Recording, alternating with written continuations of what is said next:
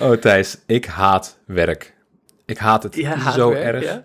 Oh, ik haat het. Ik haat het als de wekker gaat en het is nog donker buiten en het is koud en je moet van je bed naar de douche lopen en je tenen vriezen eraf. En ik haat elke seconde dat ik op de werkvloer sta en niet kan doen wat ik leuk of interessant vind.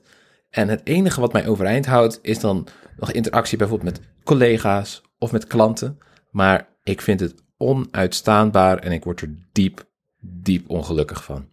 Dit is een diepe wond, want, want deze ervaring van op de werkvloer staan met collega's en klanten, dat is niet een heel recente ervaring, want volgens mij is jouw werkvloer nu thuis aan je bureau, omdat je aan een boek aan het werken bent. Ja, inderdaad. Ik, ik ben eh, hard thuis aan het schrijven. En het is inderdaad twee of drie of vier jaar geleden, lang in ieder geval, Ja. eh, dat ik voor het laatst een dienst heb gedraaid. Ik, ik heb echt zin op een soort hele liberale op, zo zeg maar zo'n zo'n oplossing van, eh, van zeg maar een, een typische progressieve of liberale oplossing voor het probleem dat je beschrijft. Dat jij hebt gezegd, oh ik haat werk, want dan moet je zeg maar, het is koud in de ochtend, het donker en dan moet je met koude tenen naar de douche. Weet je, het is heel duidelijk dat het probleem hier is eh, werk in, onze, eh, in, in de structuur die dat op het moment heeft. Maar de progressieve oplossing is hier, heb je overwogen om fijne warme pantoffels aan te schaffen?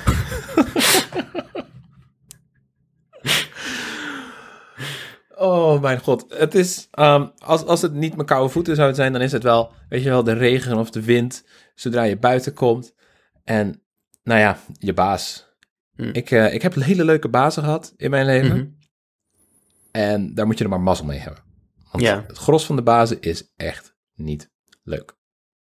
Ik ben denk ik wel een beetje een rare snuiter, want ik heb dus eh, eh, enorm ehm, kunnen genieten van, som, van sommige werk dat ik heb gedaan. Bijvoorbeeld in de spoelkeuken van een verzorgingstehuis. Dat is nog altijd Oh. een van mijn leukste baantjes eh, geweest. Ehm, niet omdat ik nou de baas zo aardig vond of, het, of dikke vrienden werd met de collega's. Ik ken helemaal niemand meer van, van die tijd en ik spreek ze ook niet meer. Maar omdat mijn, mijn hersenen, die, eh, die kregen allemaal hele fijne stofjes van het feit dat zeg maar die grote machine, waar dan aan de ene kant het inging en aan de andere kant ging het uit. En dan moest je heel snel, moest je de borden en de onderborden en, de, en, en al het bestek en, en, en alles wat erbij zeg maar het afwassen kwam kijken, moest je heel snel eruit halen en opstapelen en op de juiste kar zetten. En als je dat niet snel genoeg deed, dan liep de machine zo liep die vast. Er zat er gewoon een stopmechanisme op, maar dan stopte de machine. Nou, en dat was vervelend natuurlijk voor je collega aan de andere kant die de machine aan het inladen was. Ehm, maar ik ging, mijn hoofd ging heel erg lekker op zeg maar nul keer de machine laten stoppen tijdens een shift. Ja, Ja, ik kan, ik kan wel genieten van mijn werk, maar ik denk dat ik er nog meer van zou genieten als ik dan ook het gevoel had dat ik niet zeg maar in een winstmachine werkte, maar in een machine die iets doet voor de samenleving. Ja, anders geconstitueerd is. Ja. Ja, ik heb ook in een afwaskeuken gewerkt en ik kon alleen maar zeggen dat elk moment dat ik er was, wenste ik dat ik thuis was. Lekker een boek aan het lezen. Het is wel zo dat ik de afwaskeuken van het eh, verzorgingstehuis leuker vond dan de afwaskeuken van het wegrestaurant waar ik ook heb gewerkt. En je hebt ook nog in een kippenpak rondgelopen. Eh, het was een muizenpak, eh, Pim. Sorry. Muizenpak. Ja, dat was wel echt de hel. Maar vooral omdat het ook fysiek heel zwaar en eh, oncomfortabel was. Omdat, zeg maar, de grote, het grote hoofd, er zat een soort helmachtige construct. Er zat gewoon in feite een bouwhelm aan de binnenkant. Met dat hoofd zo van eruit gebouwd. En in de rand van dat hoofd, eh, die, die drukte net op je monnikskapspier. Omdat die helm niet goed was afgesteld. En dat was een scherpe, een beetje een, volgens mij zat er een metalen eh, een band in, eh, rand. En dat was gewoon echt, dat, dat drukte dan acht uur lang. Eh je stond niet acht uur vol tijd in dat pak, maar dan, het was wel een dag van acht uur met zeg maar verschillende shifts in dat pak. En dat drukte dan zo op je monnikskapspier. Dat was echt de hel. Ja, en waarom dat werk nou precies zo vervelend is, daar gaan we het vandaag over hebben. Ja, werk. Jingle!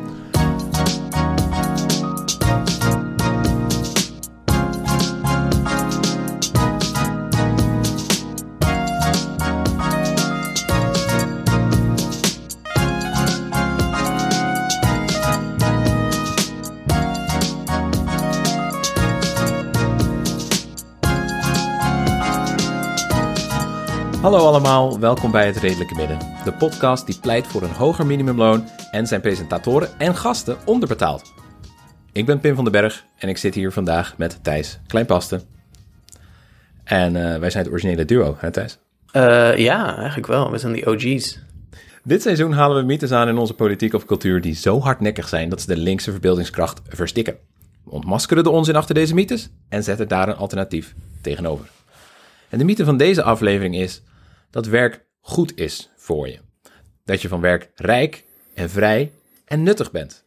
Maar niks is minder waar. Trap er niet in.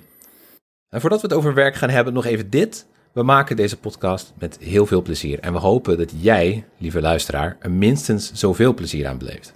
Als dat zo is, steun ons dan via vriendvandeshow.nl slash hrm.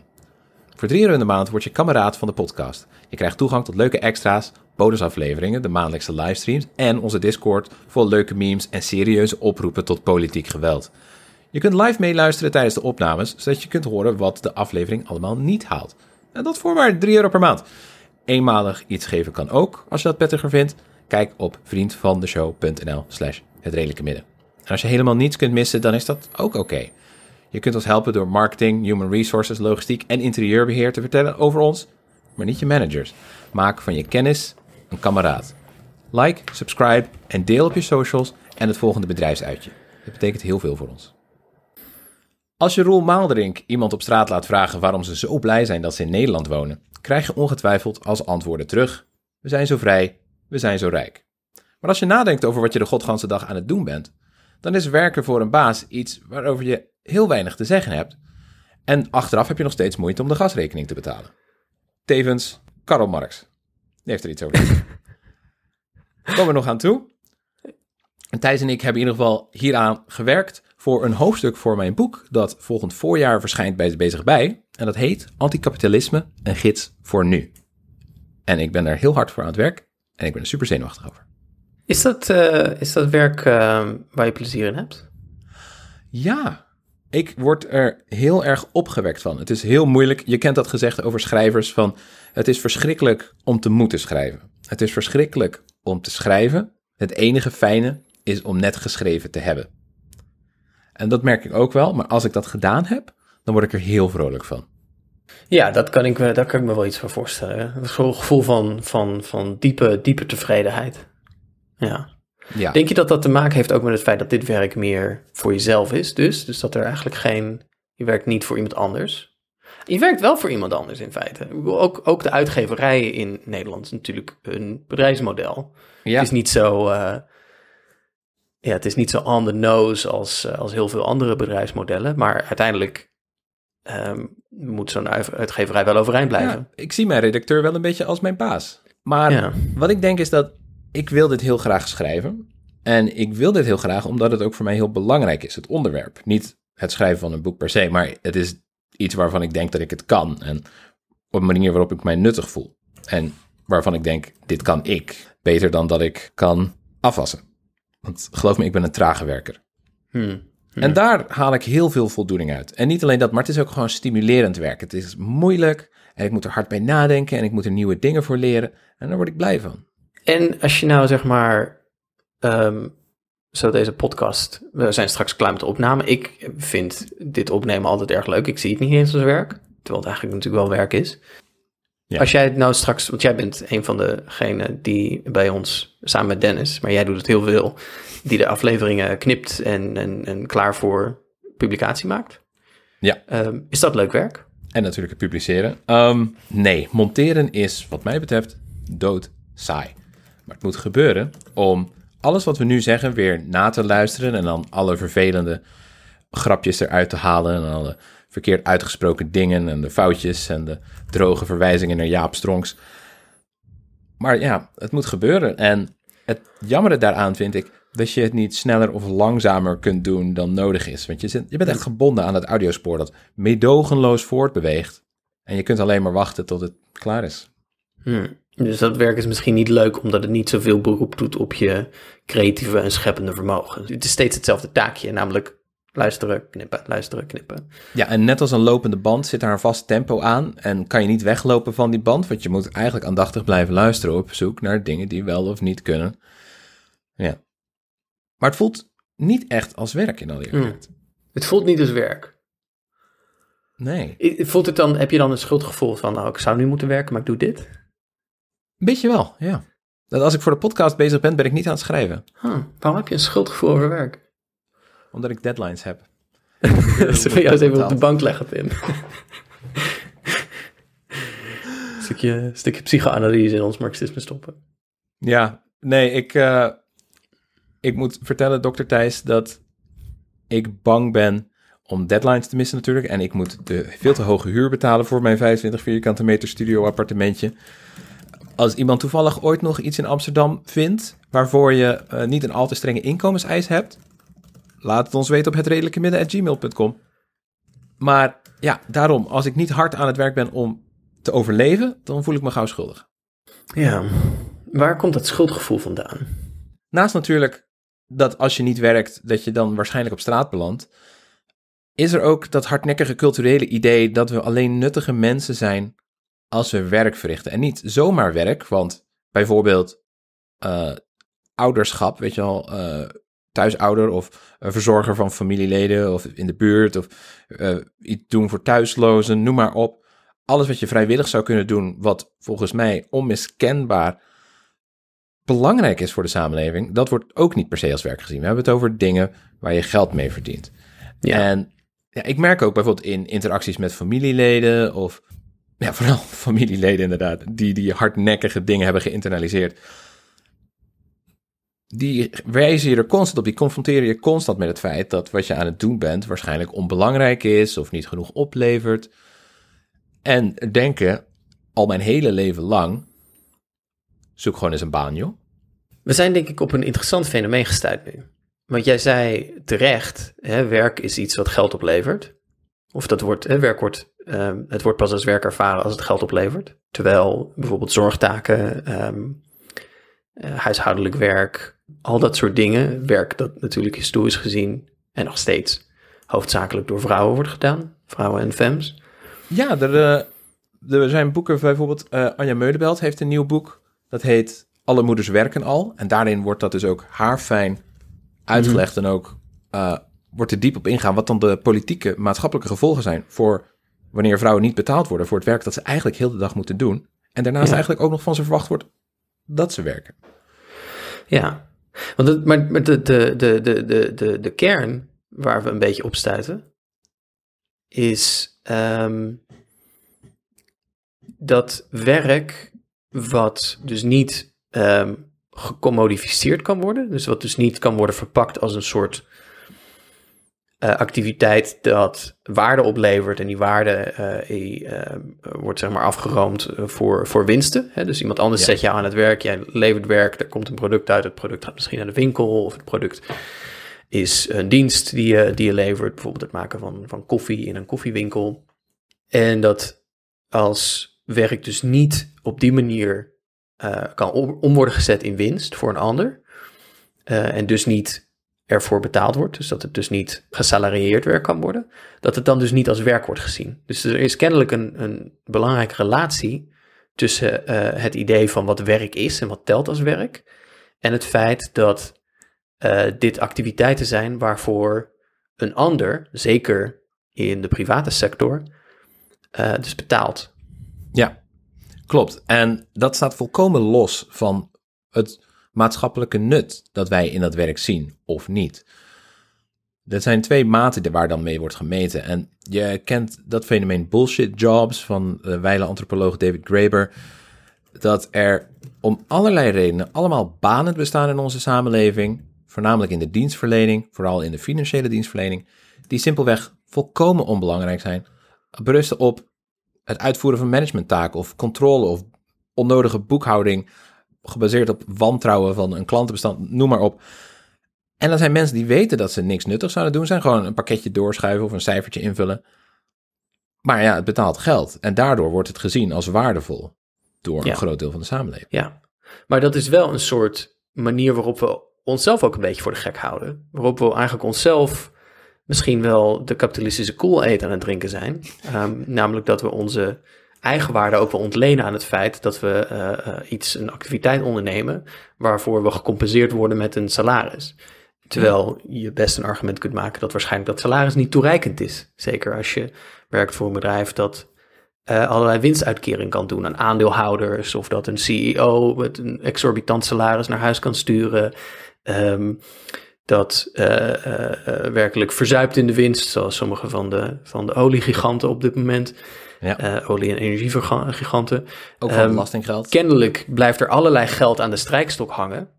wat wel wordt geproduceerd, maar wat dus niet terechtkomt bij de mensen die het produceren. Nee, terwijl de lonen voor de meeste mensen van ons eigenlijk zijn blijven hangen op niveaus van 40, 50 jaar geleden, terwijl het steeds duurder wordt om van datzelfde geld te leven. Dus in die zin gaan wij erop achteruit. We worden steeds armer voor het werk dat we doen. En vaak, zeker door bijvoorbeeld bezuinigingen in allerlei sectoren, zoals de zorg en het onderwijs, wordt er van mensen verwacht dat ze meer doen met minder middelen. Dus dan doe je harder werk, naast natuurlijk alle verantwoordelijkheden die je nu hebt, omdat je niet meer in je eentje rond kan komen. Dus heb je vaak een huishouden van twee verdieners die fulltime moeten werken. En dan ook daarnaast nog eh, door bijvoorbeeld precairdere arbeidsverbanden vaker aan moeten staan op sociale media, zichzelf vaker moeten presenteren, nieuwe vaardigheden moeten ontwikkelen, waardoor je dus een hogere werklast hebt met meer druk en minder, eh, het levert steeds minder op. Het wordt steeds minder om daarvan rond te komen. In, in de Verenigde Staten is dit fenomeen het meest uh, in het oog springend. Dus de arbeidsproductiviteit is enorm toegenomen in de afgelopen 40 jaar, terwijl eigenlijk de um, vergoeding daarvoor, dus de, de, de, de, lonen daarvoor, behoorlijk stagneren. In Nederland is dat effect net iets minder, maar het, komt ook voor.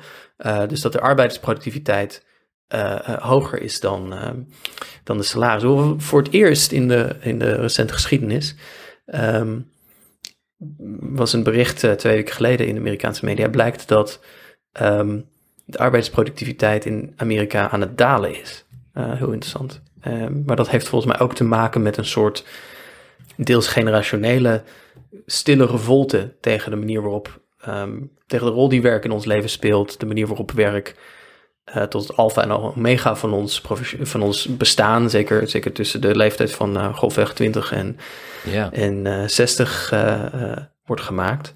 En dat er dus 40 jaar van ons leven verdwijnt eigenlijk aan, aan allerlei werk. Waarvan je je kunt afvragen, in de meeste gevallen, is dat werk nou zo zinvol? Is het nou zo nuttig? Maakt het ons werkelijk gelukkig?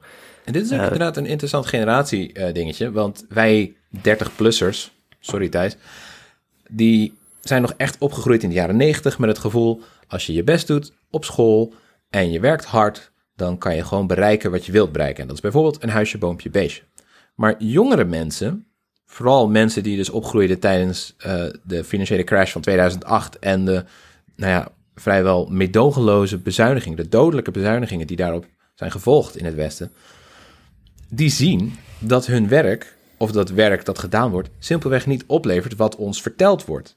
En dan is de vraag, waarom zou je het nog doen? En dan heb je dus bewegingen die op, uh, oprijzen, zoals uh, anti-work, dat zijn ja. populaire fora, bijvoorbeeld ook op Reddit. Wat is anti-work? Anti-work is inderdaad een politieke culturele tegenbeweging voor het idee dat werk een deugd is op zich en dat dat iets is waar we onze dag mee zouden moeten vullen. Dat probeert werk echt te herwaarderen als iets dat nodig is voor de samenleving, wanneer het ook daadwerkelijk iets bijdraagt. En dat we daarbuiten niet zoveel uh, het idee van werk moeten verheerlijken en het moeten waarderen voor wat het is. En dat is volgens het marxistische principe dat onze arbeid wordt uitgeknepen door bazen die er geld aan verdienen, terwijl wij eigenlijk armer blijven. Ja, ja. Ik, denk, ik denk dat we dit misschien even moeten gaan afpellen. Wat denk jij, Pim? Hm. Hm. Dus waarom zeiden we ook alweer aan het begin dat werk niet leuk is? Ja, dit is een belangrijke vraag. Werk is namelijk heel erg leuk. Mm. Bijvoorbeeld als ik mijn boek schrijf, mhm. dan word ik daar gelukkig van. Als ik werk doe in mijn leven waarvan ik het gevoel heb, ik heb bijvoorbeeld ook in een ziekenhuis gewerkt en dat voelde een mhm. stuk minder erg. Zelfs al moest ik bijvoorbeeld een open doos met placenta's dicht doen en vervoeren en zo. Fantastisch, want je hebt het gevoel dat je iets bijdraagt aan de samenleving. En ik denk dat dat teruggaat naar iets van de kern van ons mens zijn. En volgens mhm. mij dit kan jij denk ik beter verwoorden, want ik zweer dat Marx daar iets over gezegd heeft. Marx heeft daar iets over gezegd, maar ik vind het heel opmerkelijk hè, dat bijvoorbeeld eh, om, om nog heel even op het punt te blijven hangen over hoe leuk werk is. Ehm, ehm, eh, bijvoorbeeld het, het wat eigenaardige onderscheid dat wij in onze wereld maken tussen werk, dat wat je doet tussen 9 en 5 voor je baas. Ja. Eh, 9 en 5 is ook al lang niet meer. Ik heb geen 9 tot 5 mentaliteit meer. Maar dat wat je doet voor je baas. Ik wel. nee, niet. Ik heb, ik heb een Ja. 10 tot 3 mentaliteit op En dan- drie dagen in de week. En dan ga je naar huis en eh, eh, dan kan het natuurlijk zijn dat je hobby eh, videogames is. Heel veel van onze videogames hebben eigenlijk een soort, soort werk. Als je, een, als je een videogame speelt met quests, heel veel daarvan is gewoon zeg maar dat je eh, een taakje aan het doen bent. Want dan ga je, dan ben je in een videogame en dan spreek je een mannetje aan. En dat mannetje zegt, eh, oh, er is nou een monster. Wil je dat monster voor me verslaan? Ik geef je er geld voor. En dan ga je, oh, dan ga je naar dat monster en dan ga je het monster verslaan. En dan ga je terug naar het mannetje en dan krijg je geld. Eh, krijg je, Ja. en dan, en dan kun je beter, beter zwaard kopen. Ja. Ehm, eh, dus dat is eigenlijk een soort van, van werk. Maar, zeg maar er zijn ook heel veel mensen die natuurlijk die gaan naar huis en die doen. Eh, nou, ik, ik had het aan het begin, eh, voordat we de opname begonnen. Ik was gisteren een, eh, een tas aan het naaien een, voor in mijn, het frame van mijn fiets, zodat ik kan gaan fietskamperen. Ja, zoals je zei, je hebt de hele avond genaaid. Ja, ik heb de hele avond genaaid gisteren. Ehm, en ehm, dat is natuurlijk ook iets wat andere mensen beroepsmatig doen. Ik kan ook die tas kopen eh, van, van, van ofwel van, van een eh, verschrikkelijk uitbuitend bedrijf voor een wilde laag bedrag, omdat iemand in Bangladesh die tas maakt. eh, ofwel van een lokale ambachtelijke producent voor veel te veel geld, omdat iemand lokaal dat ambachtelijk maakt. Ehm, maar ik was dus zelf die tas aan het maken. En ik beleef daar heel veel vreugde aan. Want ik ben een hele avond ben ik eigenlijk aan het werk. Ik ben werk aan het doen, maar ik zie het niet als werk. Ik zie het als mijn hobby. Ehm, en zo is er heel veel eigenlijk dat we in ons dagelijks leven ondernemen. Als hobby. Dat in feite natuurlijk gewoon werk is. En eh, we beleven daar vreugde aan. En dan komen we op iets wat jij net ook al zei, Pim. Dat Ome Krachel, hè, de grote markt. ehm, die doseerde in feite dat dat mensen zijn scheppende wezens. Hè? We zijn mensen die niet alleen maar ja, de hele dag bessen verzamelen ehm, en, en die proberen te eten. Eh, zoals, zoals natuurlijk heel veel dieren een soort van dagelijkse routine hebben van, mm, nou, waar haal ik mijn volgende, waar haal ik mijn volgende ma- maaltje?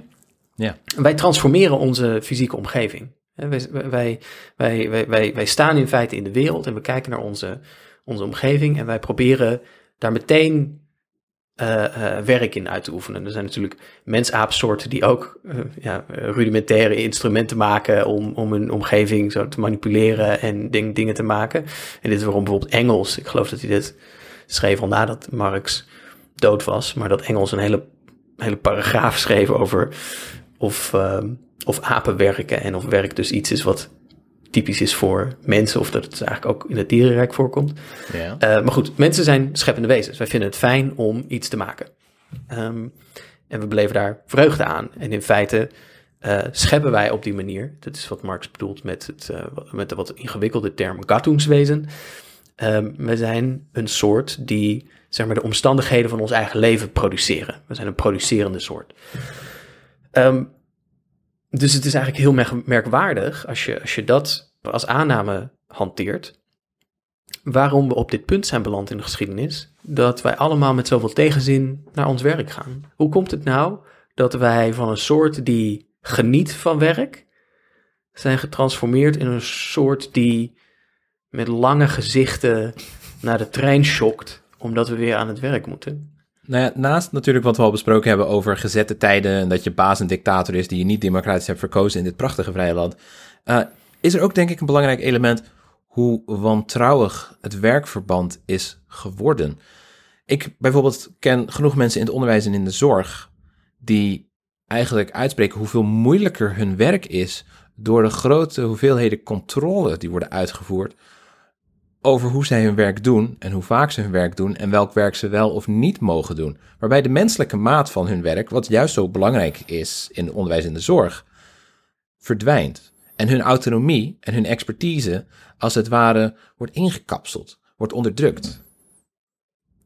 Ja, dus er, de, ze, er, worden, er worden ze allerlei beperkingen opgelegd. Ja. Ja. Terwijl we juist echt vertrouwen mogen hebben in de kwaliteit van onze onderwijzers en van onze verzorgers, verplegend personeel. Maar Ik, ja, ja, dat kan je niet ik- verantwoorden aan verzekeraars die daarvoor voor betalen. Nee, nee, of er zal eens een keer iets gebeuren. Ja, dit is ook een tragisch verhaal. Mijn, eh, mijn moeder werkt in het onderwijs. En gewoon puur de administratieve last van het bijhouden, zeg maar, wat er gebeurt in het klaslokaal. Die ten koste gaat van, van bijvoorbeeld grondige lesvoorbereiding. eh, zeker voor jonge docenten tegenwoordig.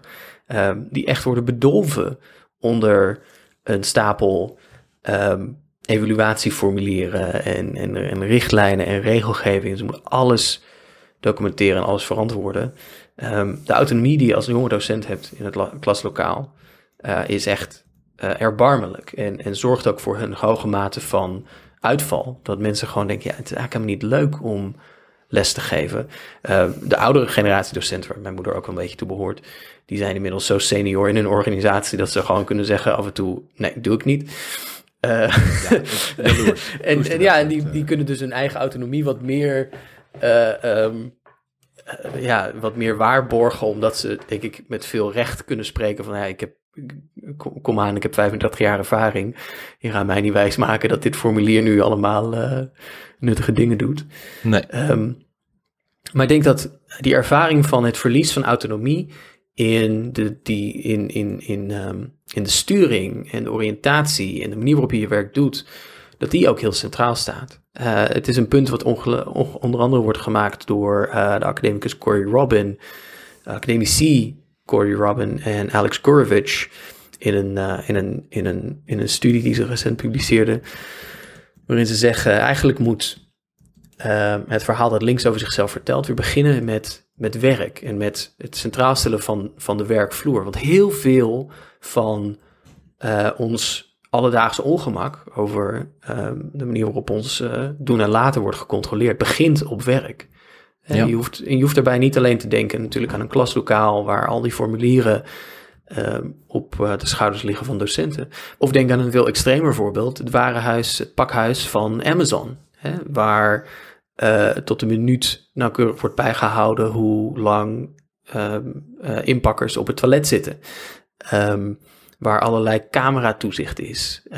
waar er werkelijk een soort ja, sociaal panopticon is gecreëerd. waarin de managers hun, hun, hun personeel in de gaten houden. En, en, en op een obsessieve manier hun productiviteit tracken. Ja, je hebt het ook bij thuiswerken. Dat door de pandemie genormaliseerd werd. Zo werd dus ook surveillance software genormaliseerd. Waarbij managers op afstand kunnen kijken wat er gebeurt op de computer van hun personeel thuis. Waardoor de baas ineens in de privésfeer denkt. Ja, ja ik, ken, ik ken die software omdat die ook werd gebruikt eh, toen eh, heel veel van het onderwijs eh, digitaal werd in, tijdens de pandemie. Toen kwam er allerlei heel dystopische software uit die dan zeg maar je oogbewegingen, zo als je voor het scherm zat, kon, kon tracken. En die was dan bedoeld kennelijk om ervoor te zorgen dat studenten die een digitaal examen of een digitale toets aan het maken waren, niet zeg maar wegkeken naar het spiekbriefje naast zich. Ehm, eh, heel, heel dystopisch. Ehm, ik denk dat, eh, dat het mijn liefding waard zou zijn als we gewoon het spiekbriefje gedogen. Ja. Om niet dit soort invasieve technologie. Ehm, want dat is ook natuurlijk de keerzijde van het thuiswerken tijdens die pandemie. Is dat er al die surveillance-achtige instrumenten. Eh, zijn onze woonkamer binnengedrongen. Eh, nog los Ja. van het feit dat natuurlijk onze smartphone al jaren onze, onze privésfeer is binnengekomen. Waarin we eh, letterlijk dat ding natuurlijk op ons nachtkastje hebben. En als we, als we midden in de nacht wakker worden of heel 's ochtends vroeg wakker worden, dan zijn er alweer e-mails. Ehm, dus je bent ook nooit helemaal weg van werk. Werk is niet meer iets dat je doet op een specifieke plaats, op een specifieke tijd. Maar werk is helemaal onze privésfeer eh ingekomen. En we hebben dat eigenlijk gewoon laten gebeuren. Ja, wat dus die werklast zoveel moeilijker maakt. En het ook het idee van werk zoveel zwaarder is geworden tegenover de compensatie die, ervoor, die we ervoor krijgen. Ja, want je gaat toch weer met dat schuldgevoel, zeg maar, om acht uur s'avonds nog even op je telefoon kijken of niet een werkmailtje beantwoord eh, kan worden. Of als je op vakantie bent, et cetera. Dus dat hele idee van een soort vervagende scheidslijn. Maar dan eh, de vervagende scheidslijn over, zeg maar, waar werk wordt gedaan en wat nou precies werk is. Uh, maar dan als een soort spiegelbeeld van hoe wij het liever zouden zien. Namelijk uh, uh, een, een oprekking van het idee van wat telt als werk. Nou, bijvoorbeeld ook huishoudelijk werk en zorgtaken en maatschappelijk werk en vrijwilligerswerk. Um, en, en allerlei werk dat je bijvoorbeeld kunt doen met je buren of in de buurt of met je, met je gemeenschap. Dat dat gaat tellen als werk. Het is een soort spiegelbeeld effect van dat nu allerlei uh, officieel werk die zeg maar privéruimte aan het binnendringen is. Waardoor je minder dus tijd hebt voor, uh, voor dat andere werk wat je eventueel zou kunnen doen. En wat ook een uh, belangrijke vorm van werk is volgens mij, is bijvoorbeeld, je hebt nu in het nieuws dat er dus wel drie hele statushouders in Utrecht, die versneld een sociale huurwoning toegewezen kregen, zijn gestopt met een bijbaan, omdat ze volgens mij bezig zijn dus met hun integratietraject. Hmm, ja. En dat integratietraject, wat waarschijnlijk gewoon hard studeren is, hard leren hoe je de taal spreekt, hoe de Nederlandse cultuur zogenaamd werkt. Veel problemen daarmee, daar niet van. Maar dat is toch ook in feite een vorm van werk, of zelfs een opleiding die zou moeten leiden, als je het zo zou willen zien, tot productief werk. En dat zet ik tussen flinke luchtaanhalingstekens, want ik ben er erg sceptisch over. Ja, wat mij vooral enorm opviel aan, dat, uh, aan die nep rel, um, is dat. Oké, okay. uh, was het het Financieel Dagblad? Pakte groot uit met allerlei statushouders in Utrecht die kennelijk een sociale huurwoning hadden toegewezen. Ja. En toen standpeden hun uh, baantje opzeiden. Nou, dat bleek dus niet het geval, want dat ging maar om drie mensen en het was een zomerbaantje en dat was allemaal niet zo. Um, maar dat de repliek dus op die, hè, want er waren allemaal weer, er was van dat VVD-tuig werkelijk onmensen die uh, allerlei video's aan het ja. maken waren om, uh, om, om, om, uh, om een racistische puntjes te scoren. Um, dat de repliek daarop was van, oh, het is helemaal geen probleem, want het waren maar drie mensen en het was een parttime zomerbaantje. Ja. Terwijl het veel fundamentelere punt is dat die hele redenering van, oh, um, hier zijn mensen die hadden geen sociale huurwoning toegewezen mogen worden gekregen omdat ze niet, omdat ze niet werken, is, is eigenlijk al heel verknipt. De Nederlandse staat, we weten dat ze zich er niet aan houden, maar laten we maar doen alsof dat, uh, dat wel zo is, moet grondwettelijk zorg dragen voor adequate volkshuisvesting. Ja. Statushouders, die dus in Nederland zijn, um, zijn weliswaar nog geen genaturaliseerd Nederlander, maar uh, juridisch zijn ze, dat, zijn ze, zijn ze gewoon vol, volkomen gelijk aan iedereen, zoals jij en ik. Ja. En iedereen heeft in Nederland een aantal rechten. En een van die rechten is dat als je dat nodig hebt, dat je uh, een sociale huurwoning uh, kunt krijgen. Um, dat recht moet niet onderhandelbaar zijn. En dat recht moet ook niet, zoals VVD'ers graag willen, afhankelijk worden gemaakt van de vraag of je uh, werkt. Zoals bijvoorbeeld enkele jaren geleden de VVD heeft geprobeerd om het krijgen van een bijstandsuitkering afhankelijk te maken van een tegenprestatie. Dus dat mensen Ja. met een uitkering, die moesten dan maar ergens een plantsoen gaan zitten vegen of zo. Ja. Ehm, want anders hadden ze er geen recht op. Die koppeling die steeds wordt gemaakt door rechte partijen van je moet, je moet werken, je moet je bewijzen als productief lid. En productief dan opgevat als eh, productief voor de kapitalistische klasse, Ja. eh, lid van de samenleving of anders. ehm, die is heel verknipt en die moet je zien te breken. Hè, dit hele idee dat als je ehm, niet werkt in onze kapitalistische orde, dat je dan ehm, een soort ja, lage valsspeler bent of zo, eh, dat is heel erg verknipt. Als we nou zouden leven in een denkbeeldige wereld waarin er goed voor iedereen werd gezorgd, waar, waar, niemand werkelijk iets tekort komt, waar iedereen een menswaardig en goed en prettig leven heeft. De, de, de, de, de visie die zo vaak wordt uitgevent in allerlei socialistische literatuur. Als dat nou het geval was, dan denk ik dat je best een ethisch argument kunt maken over ehm, ook iets bijdragen aan deze samenleving die je zoveel geeft. Maar onze samenleving geeft mensen helemaal niet zo heel veel. En Nee. het idee dat voor de kruimels die je krijgt, je ook nog eens krom moet liggen. eh, en anders krijg je geen sociale huurwoning. Dat is, een, dat is op zichzelf een verknipte redenering. En die redenering verdwijnt niet door te zeggen: het waren maar drie mensen met een bijbaantje. Nee, en dit maakt ook eh, van dit hele idee ondermijnt ook de grondbeginselen van solidariteit en zorg die we voor elkaar dragen. Want als jij in feite zegt je moet werken anders krijg je niks, dan zeg je dat je iedereen zich moet overleveren als het ware aan de grillen van, weet je wel, de arbeidsmarkt, het kapitalisme. En die draagt geen zorg voor heel veel aspecten in onze samenleving, die neemt vooral van ons. De meerwaarde van onze productieve arbeid in wezen. En daarmee kan dus ook heel veel van de zorg in de samenleving worden uitgekleed. Want weet je, je moet ervoor werken en dan kun je het betalen. Niks is je gegarandeerd. En zo worden we in feite nog verder uitgekleed. En het is een nog groter excuus voor VVD in samenwerking met nou ja, een groot bedrijf om te zeggen: alles wat ons niks oplevert, hoeven we niet meer te doen. Dus bij elke keer dat jij zegt: ga werk zoeken, joh, dan ondergraaf je in feite de sociale verplichting die we elkaar hebben, aan elkaar hebben om voor elkaar te zorgen. Want niet iedereen kan werken. Niet iedereen zou moeten werken. En niet alles wat belangrijk is, is werk of wordt voor betaald.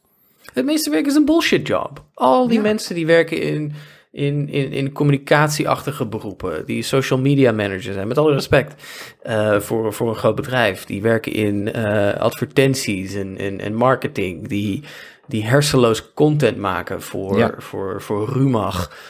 Er zijn twee, twee groepen werk die om een of andere reden niet heel veel bijdragen aan de samenleving, niet veel productiefs bijdragen aan de samenleving, maar wel iedereen ervan overtuigd hebben dat ze nooit genoeg krijgen. Oh, drie eigenlijk, drie. De eerste is politie. Het tweede is dus marketing en de derde management. Want marketing zal altijd zeggen, ja, wat we doen kan succesvol, kunnen altijd meer verkopen. Als het slecht gaat, had je maar meer marketing moeten hebben. Konden we meer verkopen, hadden we meer geld. Geniaal, niemand kan er iets tegen inbrengen. En management doet precies hetzelfde. Loopt iets niet lekker, wordt er te weinig gewerkt, eh, is er te weinig personeel. Wat je dan moet hebben, meer management, meer coördinatie, meer geregeld op de werkvloer. Geniaal, je komt er niet vanaf. Ja. Ze dijen Ja. alleen maar uit. Maar dat hele idee van een bullshit job is wel een heel krachtig, achter, heel krachtig beeld. Hè? Want het is, het is dus werk dat geen aantoonbaar maatschappelijk of sociaal nut heeft. Eh, wat eigenlijk bestaat uitsluitend voor het in stand houden en het reproduceren van de kapitalistische winstmachine.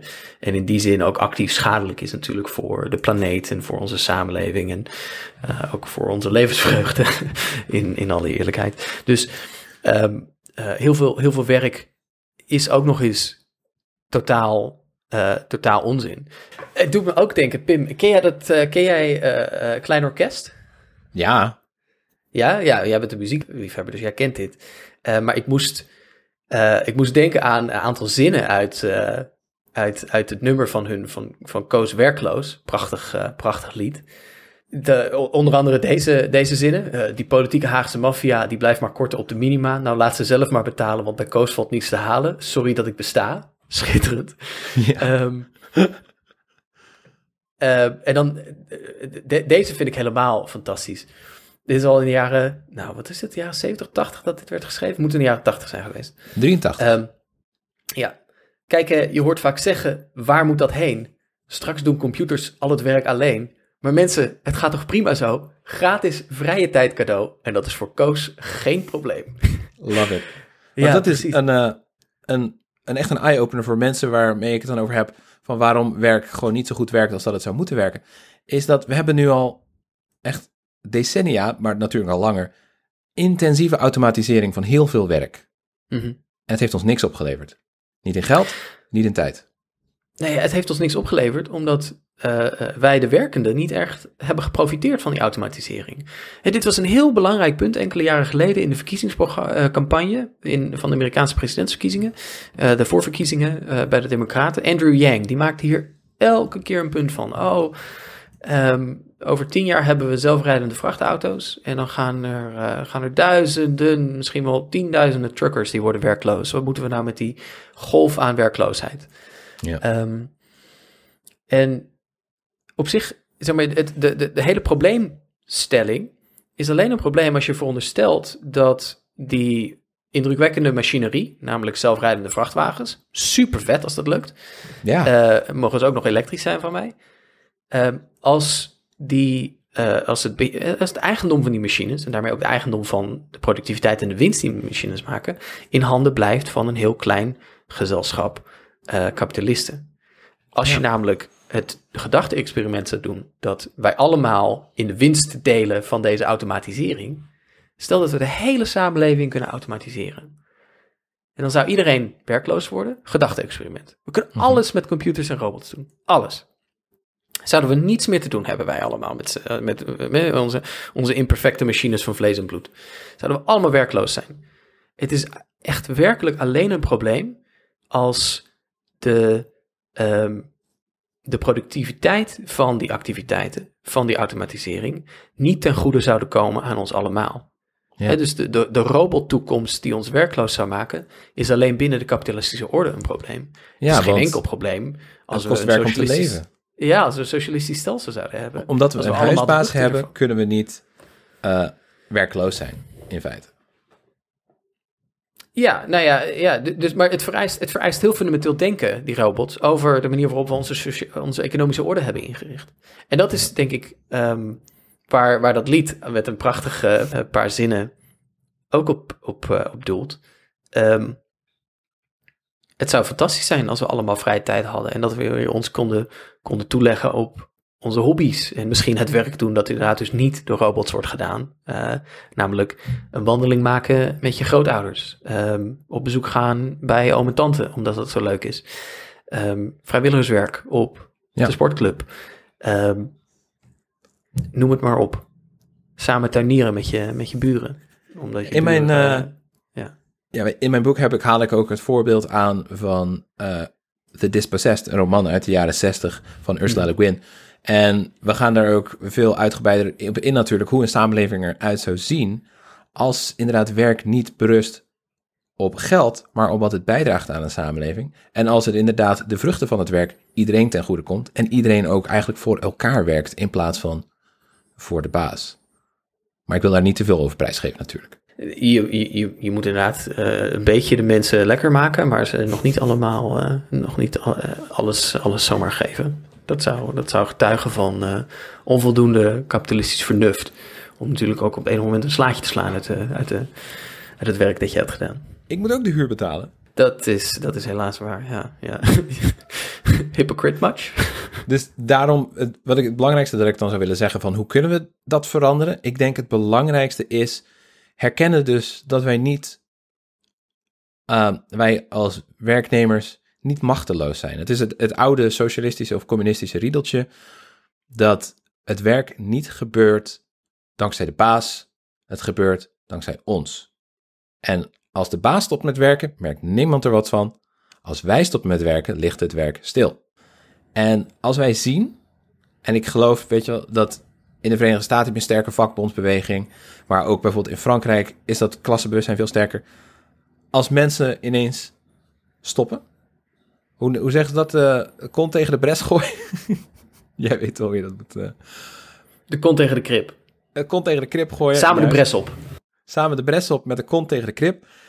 Dan ontdek je ineens hoeveel onderhandelingsmacht je hebt. Hoeveel politieke macht we hebben als we elkaar zien als lotgenoten. Als mensen in hetzelfde schuitje. Als kameraden. Ik denk dat daaruit een sterke politieke verandering teweeg zou kunnen komen. Ja, en, en, en opnieuw, ook om het punt van, van Cory Robin en Alex Gorovich nog maar eens te herhalen. Het begint op de werkvloer. Um, dus die, die al oude traditie van de vakbeweging en de arbeidersbeweging, die al begint in de, in, in de 19e eeuw en in de vroege 20e eeuw, en waar je soms van die mooie, mooie plaatjes van ziet online, met van die posters met een, met een krachtige arbeider die zeg maar opstaat en, een, ja. en, een, en, een, en iets in de raderen gooit om het allemaal stil te leggen en zo.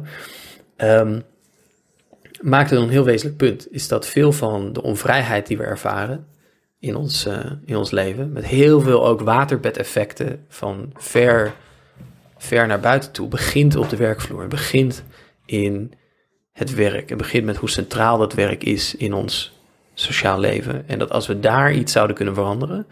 Uh, dat we daar bijvoorbeeld macht terugpakken als werknemers, uh, werkenden samen. bijvoorbeeld door ons te verenigen in een vakbond, een eis te stellen aan management. Niet alleen om fatsoenlijk betaald te worden, maar ook om kortere werkdagen te hebben, om het recht te hebben om je e-mail niet te checken als je naar huis bent gegaan, om niet continu al maar beschikbaar te zijn voor de baas. Dus het ja. idee dat je dat, dat werk eigenlijk wordt ingekapseld in zijn eigen specifieke domein. Hè? Dus misschien is dat niet radicaal genoeg. Je kunt ook natuurlijk eisen dat, we, dat, dat de revolutie wordt aangemoedigd. Hè? Dat, we, dat, dat, dat iedereen werkt om uiteindelijk het hele stelsel uh, omver te werpen. Uh, maar zelfs de kleine verbetering van werk terug in zijn hok te dwingen, als het ware, um, zou al enorm veel lucht geven in de samenleving. Ja, het dat zal weer helpen klinkt als, ook in je privéleven. Ja, en het zou ook helpen in, uh, als, als bijvoorbeeld in, in onze Tweede Kamer werk niet als een soort afgodsbeeld werd behandeld. Van, oh ja, werk, uh, dat is het allerbelangrijkste wat er is. En als je niet werkt, dan ben je geen volwaardig lid Ja. van de samenleving. Het is een van die heilige huisjes van onze cultuur. Ja, werk, werk kan nuttig zijn en kan niet nuttig zijn. En hij is een deel van ons leven en hij heeft een rol te spelen. Uh, maar die verafgoding van, van werk, die gaat terug op allerlei heel verknipte dingen. En daar moet je niet in meegaan, daar moet je nooit in meegaan. Nee.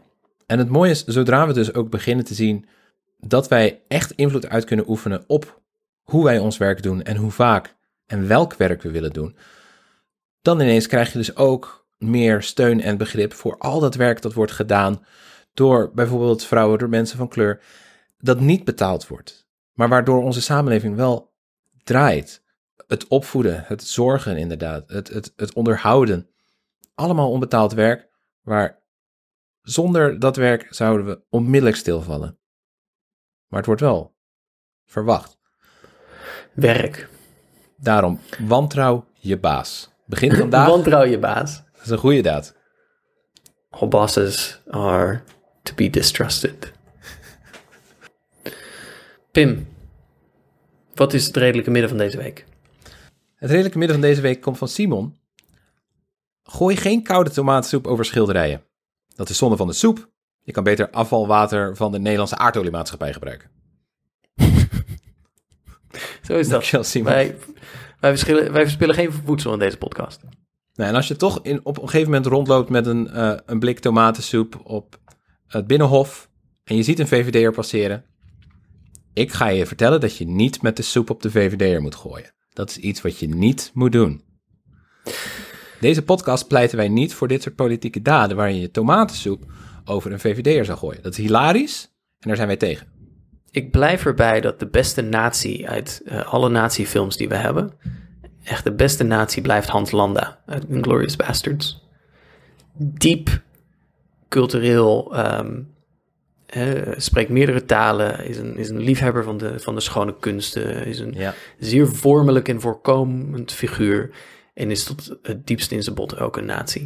Ik denk Ja. dat, is, dat is de aller, allerbeste representatie van, van naties. Omdat denk ik als mensen moeten bedenken wat een natie is, dan, dan denken ze toch al vlug aan een soort schreeuwend beestmens.